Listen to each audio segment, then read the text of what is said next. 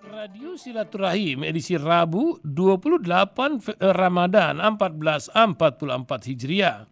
Bertepatan dengan 19 April 2023 diberi judul Beda Idul Fitri Muhammadiyah dan NU Garis Lucu. Sebuah tulisan Nasyih Nasrullah jurnalis Repu- Republika. Suatu saat, almarhum Kiai Haji Slamet Effendi Yusuf, tokoh Nahdlatul Ulama yang duduk sebagai salah satu pimpinan Majelis Ulama Indonesia, pernah berkelakar soal bagaimana menyikapi perbedaan Idul Fitri antara ketetapan Muhammadiyah, NU, dan pemerintah. Kelakarnya sederhana, bukannya malah enak pada eh, eh, eh, bukannya malah enak ada ketupat segar dan lezat dua kali. Waduh. Begitu dikatakan. Ada banyak aspek yang bisa kita sentuh daripada sekedar pendekatan fikih ansih ataupun dimensi politik yang diakui atau tidak berada di balik munculnya perbedaan Idul Fitri di Indonesia. Jika kedua pendekatan tersebut ditempuh, ya, ungkapan sepakat untuk tidak sepakat sudah tepat jadi solusi. Sembari kita memberikan pemahaman kepada umat, perbedaan tersebut sangat dibolehkan dan mempunyai acuan dalam agama dan beragama. Kita sudah banyak mengalami progres yang luar biasa dibandingkan dengan beberapa dekade lalu. Contohnya, menyikapi kunut atau tidak kunut. Bahwa ada satu, dua, tiga kasus yang muncul itu biasa. Anggap saja itu dinamika dalam hidup dan mustahil pada eh, mustahil pula menyamakan isi kepala setiap manusia. Ungkapan Arab tepat sekali menggambarkan likuli rasyun ra'yun. Dalam selorohan almarhum Kiai Haji Hashim Muzadi bahwa di era sekarang ini tidak perlu lagi memperdebatkan sholat subuh kunut atau tidak kunut. Bagi saya yang lahir dan dibesarkan dari rahim Nahdlatul Ulama dan pernah aktif sebagai pengurus di lembaga perguruan tinggi NU, sekilas mendengar selorohan Abah, sapaan kami para wartawan terhadap beliau. Ya, agak sedikit reaktif. Apalagi backgroundnya pesantren saya adalah pesantren di Nanyar yang didirikan Kiai Haji Bisri Samsuri. Kental dengan corak fikihnya. Tapi dalam perspektif yang lebih makro, kehidupan beragama, berbangsa, dan bernegara Selorohan itu pun membuat perut kaku. Karena kata Abah, kader-kader NU dan Muhammadiyah kini sudah tidak pernah meributkan kunut sholat subuh sebab tidak sedikit dari mereka yang bolong-bolong sholat subuhnya.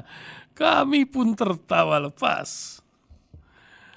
Ada lagi sebuah kisah yang cukup populer dirawikan para aktivis tentang candaan almarhum Gus Dur saat didapuk almarhum Soeharto untuk jadi imam sholat taraweh. Apa kata Gus Dur kepada Pak Harto? Gini, mau versi Muhammadiyah, NU Tulen atau NU Diskon? Pak Harto heran, apa maksud Gus Dur?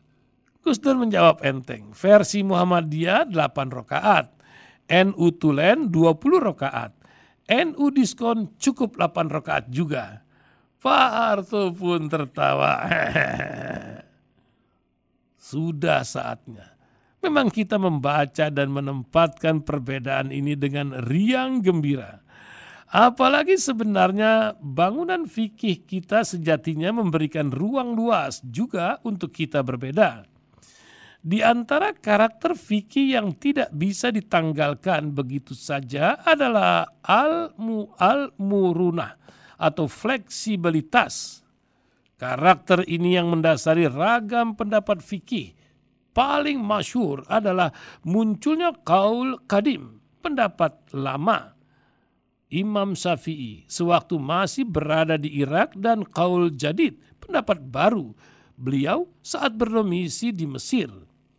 Perubahan ini tidak bisa dibaca parsial sebagai inkonsistensi Imam Syafi'i, tetapi justru menunjukkan kebesaran berfikih tokoh kelahiran Gaza, Palestina itu. Konsep beliau, fatwa hukum fikih itu sah-sah saja berubah sesuai dengan perkembangan zaman dan tempat.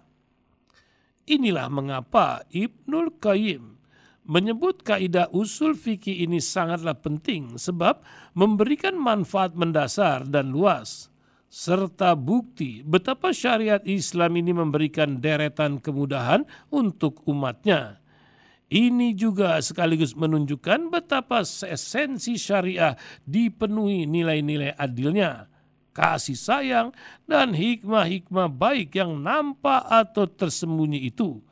Saking pentingnya kaidah itu, Ibnul Qayyim membuat bab khusus dalam mahakaryanya Ilham al-Muwaki'in dalam bab perubahan fatwa berdasarkan tempat, waktu, kondisi, motif, dan tradisi. Begitulah fikih kita. Sekali lagi memberikan ruang waktu untuk berbeda, sehingga perbedaan ini pun sudah sepatutnya dan tidak boleh tidak harus dikelola dengan riang gembira. Bukankah syariat kita diturunkan ya untuk memberikan bushro atau berita gembira? maka riang gembiralah kita dalam beragama. Idul Fitri 1444 Hijriah 2023 Masih ini diprediksi buat ber, uh, kuat berbeda ini pun seyogyanya juga dibaca dan disikapi dengan sukaria. Akan ada sholat sunnah id dua kali yang dilakukan umat Islam Tinggal kemudian tugas kita untuk memberikan pemahaman soal adab menyikapi perbedaan itu dan mengajak segenap umat untuk riang gembira, bersuka cita menjambut Idul Fitri. Sebagaimana sunnah Nabi Muhammad SAW dan para sahabat beliau menyongsong hari raya umat Islam tersebut. Penulis merasa sering kali ternyata hidup ini lebih indah jika dimaknai dengan pendekatan kasih sayang daripada perspektif fikih atau politik. Bukankah ada yang jauh lebih mahal yang harus kita jaga, yakni hangatnya persaudaraan sesama muslim dan sesama anak bangsa. Selamat Hari Raya Idul Fitri 1444 Hijriah 2023 ja'alana ja'alana Allahu minal aidin wal faizin. Takabballahi mina wa minkum takabballahi ya karim.